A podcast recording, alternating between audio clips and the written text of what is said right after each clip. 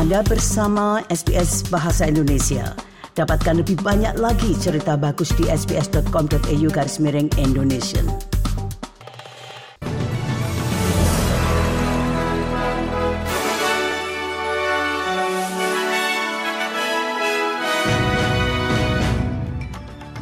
Warta berita SBS Audio untuk hari Senin tanggal 18 September. Sari berita penting hari ini, para pemilih dalam referendum suara didesak untuk memeriksa pendaftaran mereka sebelum referendum.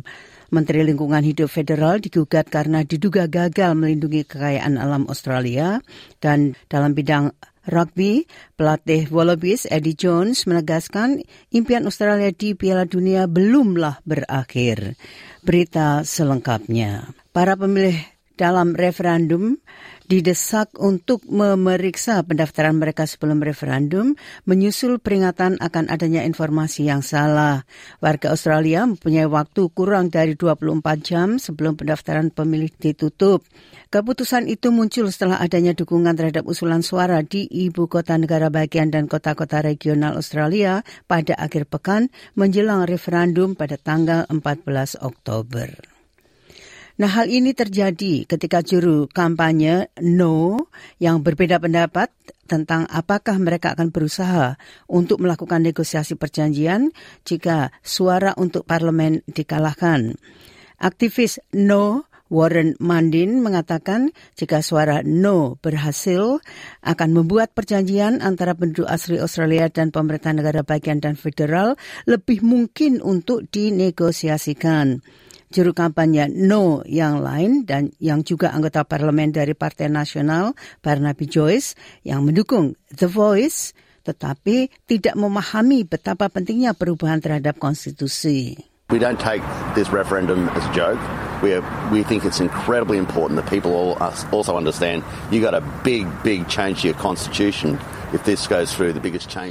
Pemodelan baru menunjukkan bahwa penggunaan energi nuklir untuk menggantikan pembangkit listrik tenaga batu bara yang sudah tua di Australia akan menelan biaya 387 miliar dolar. Menteri Energi Chris Bowen memanfaatkan analisis dari departemennya itu untuk menyerang pihak oposisi yang mengatakan energi nuklir harus menjadi bagian penting dari bauran energi Australia dalam transisi menuju menuju emisi net zero.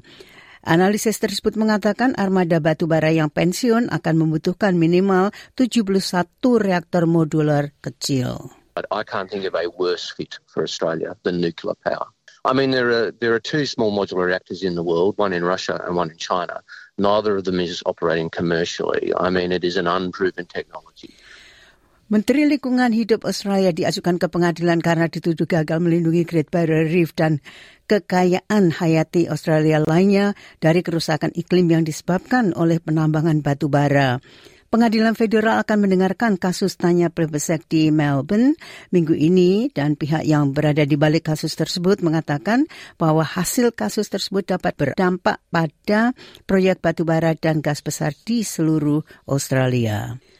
Aplikasi Kencan telah diberi ultimatum untuk mengatasi kekerasan seksual di platform mereka sehingga mendorong mereka untuk melakukan perubahan atau menghadapi peraturan.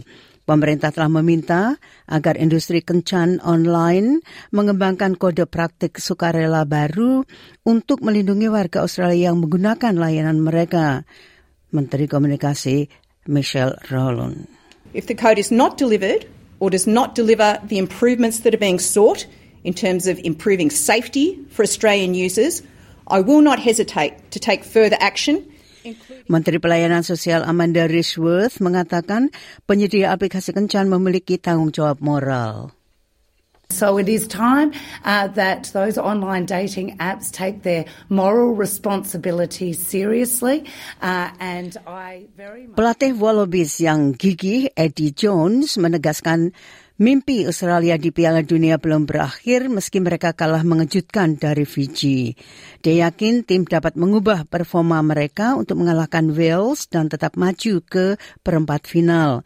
Kalah 22 lawan 15 dalam kekalahan pertama mereka dari Fiji dalam 69 tahun dan kekalahan pertama mereka di Piala Dunia membuat Australia terancam absen di babak playoff turnamen untuk pertama kalinya.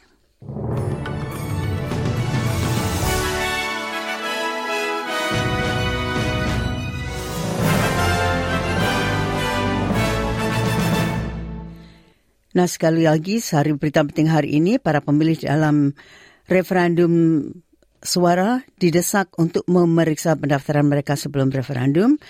Menteri Lingkungan Hidup Federal digugat karena diduga gagal melindungi kekayaan alam Australia dan di dunia rugby, pelatih Wallabies Eddie Jones menegaskan impian Australia di Piala Dunia belum berakhir.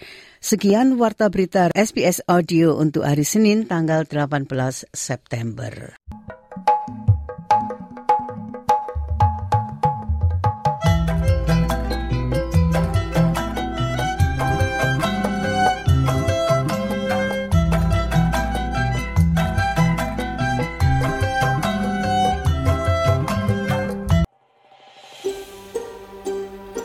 Sukai, berbagi, komentar.